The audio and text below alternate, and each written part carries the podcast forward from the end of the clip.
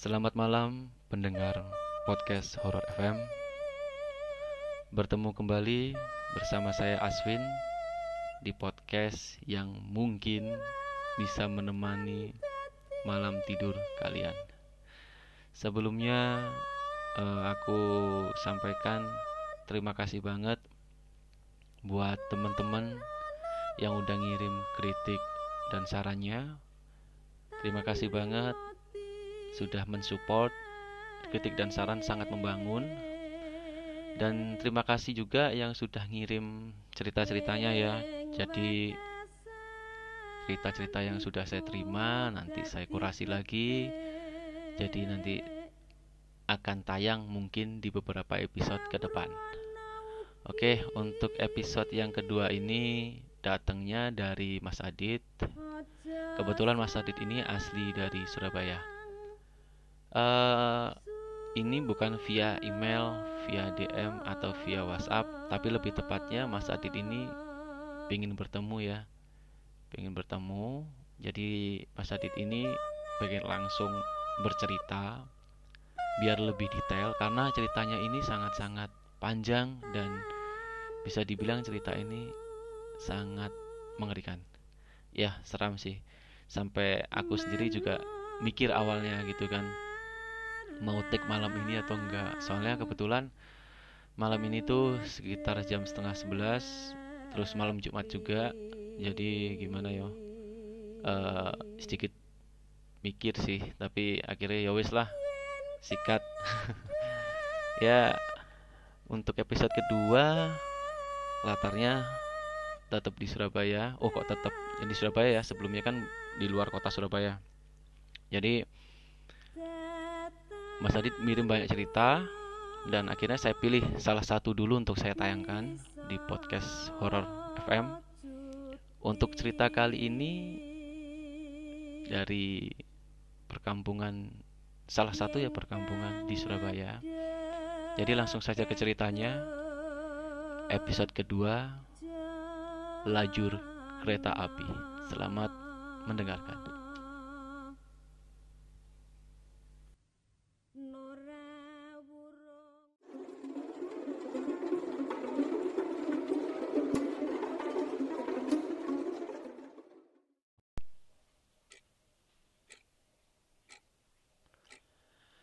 Sebelum saya masuk ke cerita, saya akan menjelaskan ya denah dari rumah Mas Adit ini seperti apa.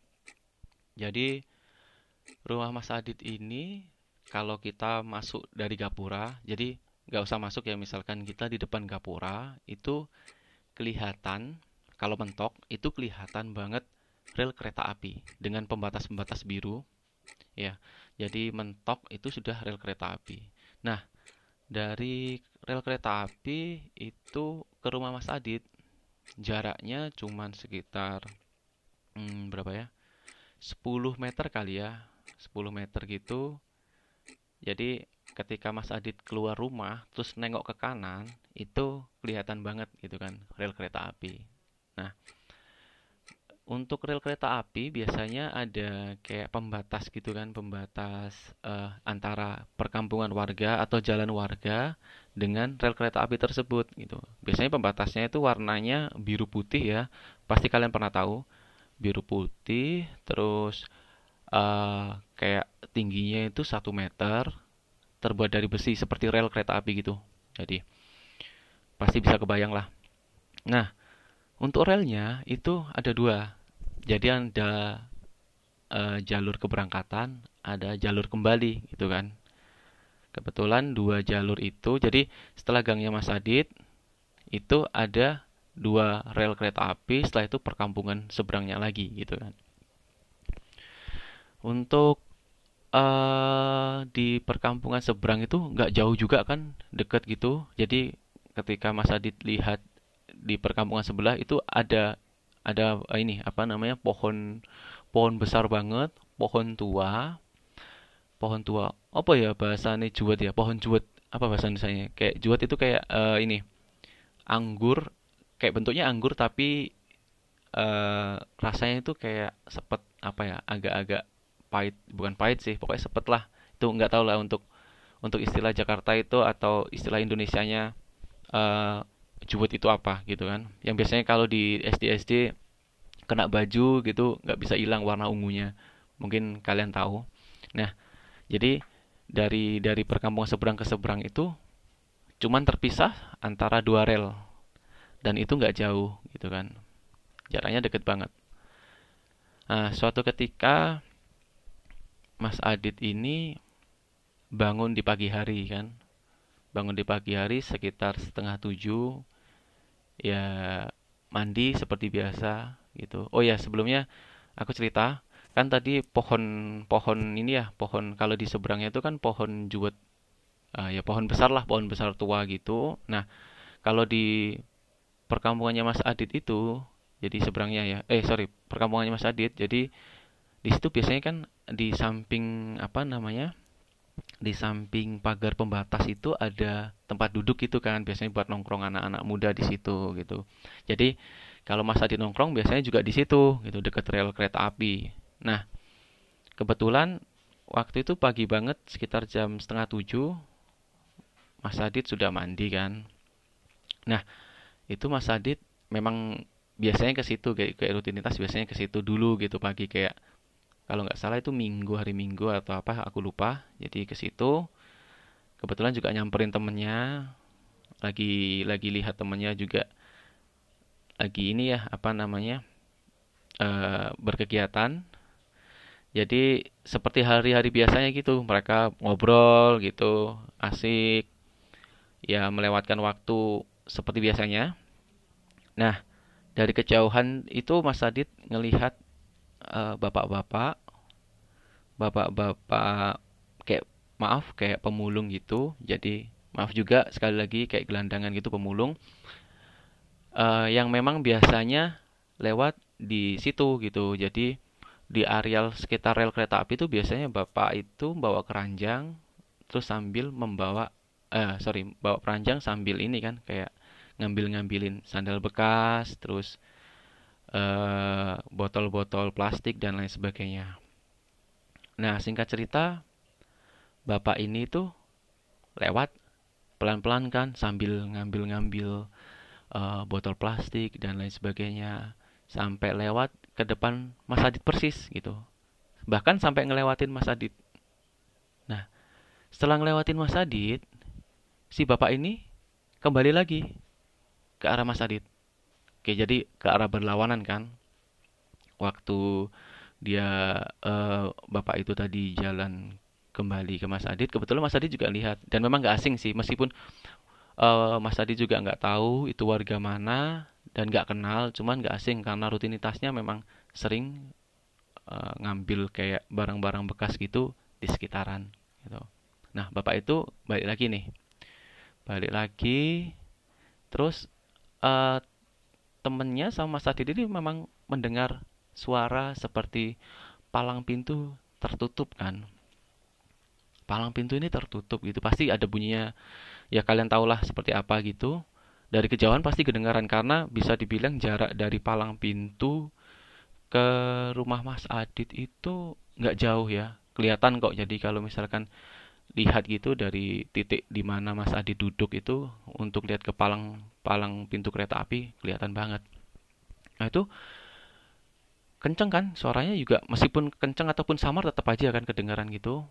Otomatis temannya Mas Adit ini sudah bilang ke bapak yang tadi itu gitu kan. Dengan bilang Pak awas Pak ada kereta loh gitu kan.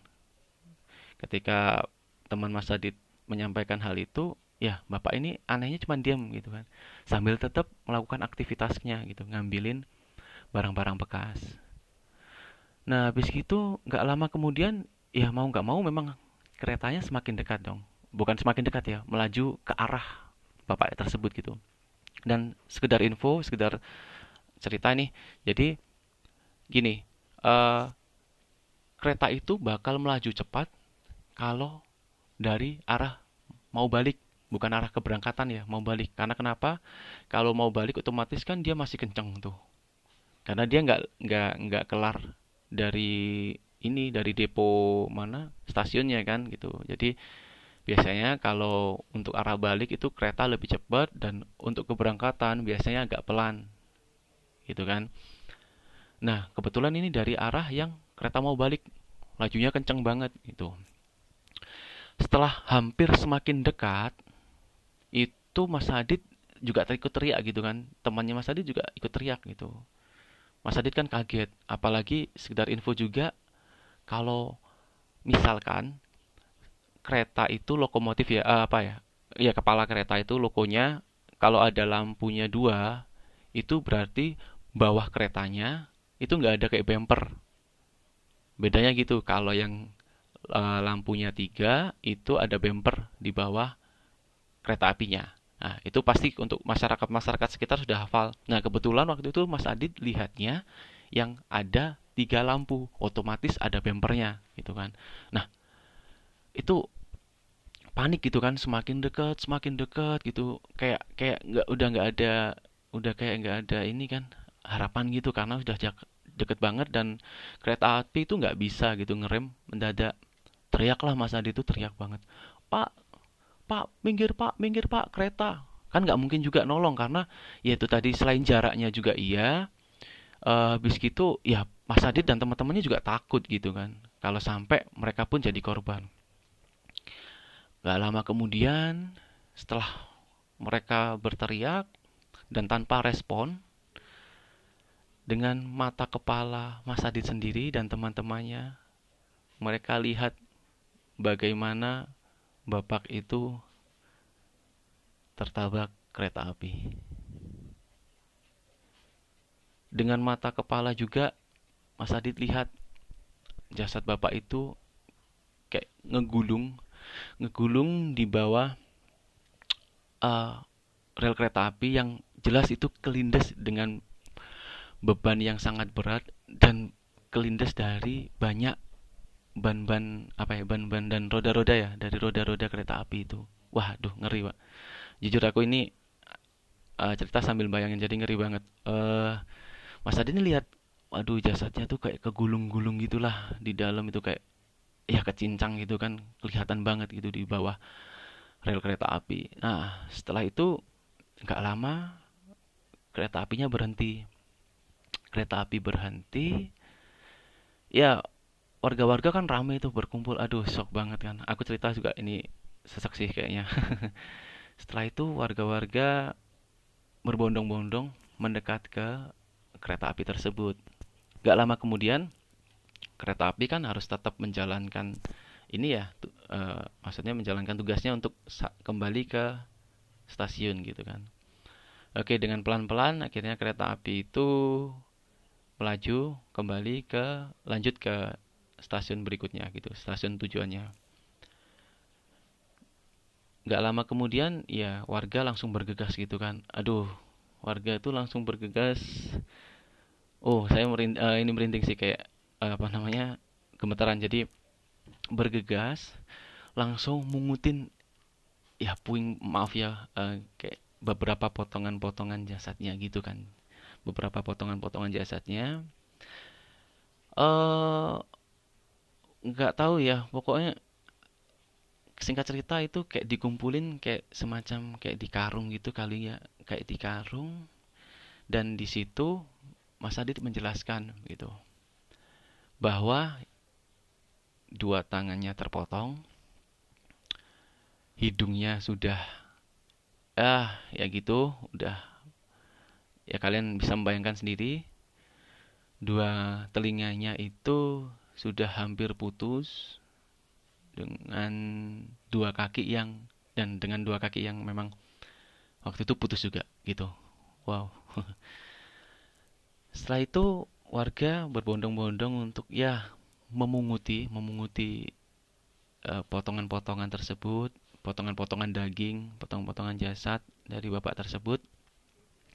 Sampai akhirnya ketemulah satu kaki. Ketemulah satu kaki yang memang nggak jauh ditemukan di area sekitar situ gitu. Nah, warga masih bingung nih, gitu kan. Warga masih bingung uh, satu kakinya ini bakal dicari di mana gitu kan karena disusuri di TKP itu nggak nemu gitu kan setelah sesampainya kereta api itu di stasiun akhirnya dapat kabar itu bahwa kaki bapak tersebut menyangkut dan terbawa oleh kereta api. Oke, setelah itu otomatis satu kaki sudah ketemu dong. Dan satunya lagi itu dicari di mana pun tuh nggak ketemu. Baik di tempat sebelum kejadian, sampai stasiun pun, sampai di bawah-bawahnya kereta api pun juga nggak ketemu gitu. Wah ya juga, uh, ini warga juga panik kan gitu maksudnya. Kalau ada kejadian itu memang harus ketemu semua gitu. Oke, singkat cerita, uh, ambulan itu datang. Aduh ini Mas Adit menjelaskan kalau biasanya jasad kan lurus gitu ya. Ini kayak bentuknya bulat jadi kayak buntelan lah. Mungkin kalian bisa menggambarkan kayak buntelan gitu. Nah dengan dengan sikon yang uh, keadaan yang belum lengkap akhirnya dibawalah itu ke masuk ke mobil ambulan gitu. singkat cerita sekitar satu minggu lah ya mungkin satu minggu dua minggu itu warga nggak ada yang berani keluar nggak ada yang berani nongkrong biasanya kalau di ya seperti aku jelasin di depan tadi kan di samping uh, pembatas kereta api itu ada kayak kursi-kursi buat nongkrong juga ada pos gitu kan itu nggak ada sama sekali dan rata-rata jam 9 itu udah pada balik gitu kan biasanya bisa sampai jam 12 atau jam 1. Nah, singkat cerita lagi nih. Setelah berselang satu atau dua minggu, akhirnya beberapa warga berani buat nongkrong kembali. Ya, seperti biasanya gitu kan. Anak muda nongkrong lagi, tetangga-tetangga juga sudah pada nongkrong. Kebetulan ini cerita Mas Adit nggak ada di lokasi kalau untuk yang kali ini. Tapi kalau waktu di kejadian tadi ada, cuman waktu malam hari ini Mas Aditnya nggak ikut nongkrong gitu kan. Mungkin juga Mas Adit masih takut. Nah, di dekat situ kan ada pos. Di ujung itu kan ada pos. Di ya nggak di ujung banget sih sebenarnya. Juga masih dekat banget sama rumah Mas Adit. Situ ada pos. Dan biasanya memang buat nongkrong. Ini beda ya sama yang kursi-kursi tadi. Jadi agak ke arah maju dikit gitu ada pos. Nah, waktu duduk-duduk di situ, itu duduknya melingkar. Eh, warga-warga, bukan warga ya kayaknya, teman-temannya kali ya. Teman-temannya itu lagi duduk melingkar gitu. Biasalah kalau kalau apa namanya? eh nongkrong gitu biasanya kalau nggak mainan kartu, remi atau domino ya sekedar buat hiburan malam gitu kan sambil nongkrong. Nah, itu bentuk mereka melingkar. Melingkar gitu, otomatis lihat di satu titik di mana titik permainan itu dimainkan gitu kan otomatis mereka semua nggak fokus dengan sekitar nah kebetulan ada salah satu uh, warga di situ yang dia berdiri dan dari banyak orang itu kan duduk itu di posnya dan posnya nggak cukup ya mungkin ke posnya nggak cukup akhirnya satu orang ini berdiri gitu nah ketika berdiri sebenarnya Mas ini curiga. Kenapa bisa curiga gini? Jadi kalian pernah pernah nggak sih kalau jalan di kayak batu-batu rel kereta api itu jalan gitu kan pasti ada suara kayak gesekan batu sama batu yang krek keras krek krek ya apa ya bunyinya. Kurang lebih seperti itulah. Kalian bisa bayangin bunyi gesekan batu ketika kita berjalan di sekitaran rel kereta api gitu kan. Nah akhirnya si bapak ini ya, si mas-mas ya, si mas-mas ini sebenarnya sudah dengar gitu uh, suara suara kresek-kresek itu. Cuman gini bedanya, suara kresek-kresek ini kenceng banget. Tapi gak kayak orang jalan. Suara gesekan batu itu kayak ada orang diseret gitu, kayak jalannya itu diseret gitu kan, diseret gitu. Nah, nggak lama kemudian suaranya diperhatiin dia belum belum nengok kanan kiri ya dia masih diem nonton uh, ya itu tadi permainannya teman-teman dia masih fokus ke situ cuman semakin dia dengarkan itu suaranya semakin kencang gitu. Kerak kerak gitu kan. Nah, semakin kencang, semakin kencang, akhirnya dia, mas tersebut, kaget.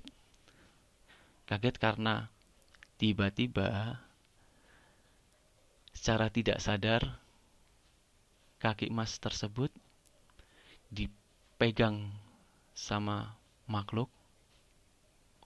Dan mas itu kaget gitu awalnya kaget eh kok ada yang megang kaki gitu kan dan waktu mas itu menoleh menoleh ke kanan dan sedikit menundukkan kepala melihat ke bawah itu ada sosok yang bilang Pak tolong carikan kakiku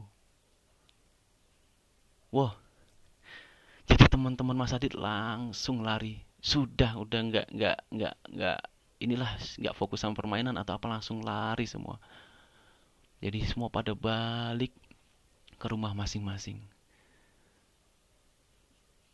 Ketakutan itu benar-benar membuat masyarakat semakin takut gitu karena kalau digambarkan diceritakan kembali itu sama persis wajahnya seperti yang kejadian beberapa minggu yang lalu gitu.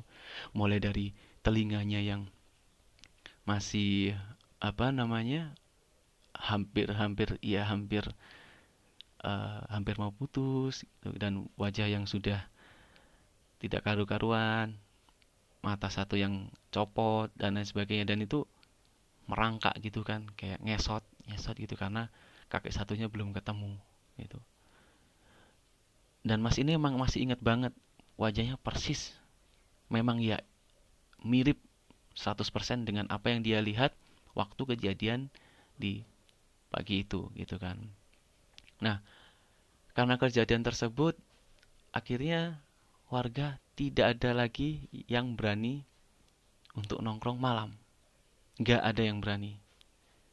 Sampai beberapa waktu akhirnya ya mulai terbiasa. Cuman kembali uh, warga nggak berani untuk pulang lebih malam paling mentok ya jam 8-9 itu sudah balik dan kampung langsung sepi. Karena menurut Mas Adit ya beberapa minggu itu ya bisa dibilang beberapa bulan tuh kalau lewat di rel kereta api itu masih bau anyir gitu masih bau anyir. Dan entah kenapa mau lewat siang ataupun malam itu hawanya beda gitu kan. Hawanya beda masih sangat menakutkan masih sangat mencekam gitu untuk beberapa saat waktu itu ya. Dan pada akhirnya kalau sekarang sudah normal kembali warga juga nggak takut dengan hal itu karena mungkin sudah terbiasa ya. Jadi warga sudah seperti biasa nongkrongnya mulai bisa sampai malam gitu kan sampai jam satu lagi. Nah untuk penjelasan yang tadi kan ada pohon uh, juwet ya pohon juwet seperti yang aku jelasin tadi. Nah itu nanti juga ada ceritanya gitu kan. Soalnya kejadian itu memang nggak jauh dari pohon juwet tersebut gitu. Jadi mungkin untuk kejadian untuk ya untuk kejadian yang cerita tentang pohon juwet di dekat rel kereta api tersebut mungkin aku bawain di cerita selanjutnya gitu ya. Uh, soalnya juga lumayan panjang sih gitu sama seperti ini. Dan dan ya sama-sama mengerikan juga gitu. Jadi saya juga butuh uh, mood juga untuk keberanian juga ngetik lagi gitu. Sebelumnya saya ucapkan terima kasih sekali lagi buat Mas Adit untuk ceritanya. Jadi untuk ceritanya Mas akan aku uh, lanjutin di episode uh, selanjutnya ya untuk yang uh, pohon tadi gitu. Untuk episode yang lajur kereta api sekian sampai di sini. Kurang lebihnya dalam membawa atau audio ya saya harap sih ini audio ya karena uh, saya juga coba ini lusi untuk audio dan saya juga belajar membawakan lebih lagi agar pendengar sekalian juga lebih nyaman untuk buat kalian yang atau sekedar tangga, temen, pelakor sembarang wis. Wah, tanggung beca lah, tanggung total pecel sembarang. Pokoknya itu kisah nyata gitu. Jadi saya pun juga membawakan meskipun takutnya ya tetap ono sih. Pokoknya pang lah. hardcore get nah untuk episode kali ini sekian saya ucapkan terima kasih banyak untuk yang punya cerita bisa kirim ke email horror fm aduh belibet lah sedikit kehabisan nafas. Jadi untuk yang punya uh, kok punya sih untuk yang punya cerita horor gitu pengalaman kisah nyata bisa kirim ke podcast horror fm at gmail.com aduh aku agak ngeblank ngeblank asli. Uh, di akhir-akhir cerita ngeblank oke okay. di instagramnya juga jangan lupa di follow twitter juga di follow ada di deskripsi di bio juga ada dan jangan lupa juga bantu share please gitu kan. Saya memohon banget enggak lah. Ya nge-share seikhlasnya. Kalau mau nge-share silahkan nge-share. Saya nggak maksa. Kalau nggak mau juga nggak apa-apa. Mungkin pengen dengerin aja tanpa nge-share monggo nggak apa-apa. Oke akhir kata saya Aswin undur diri. Terima kasih banyak dan sampai bertemu di podcast episode selanjutnya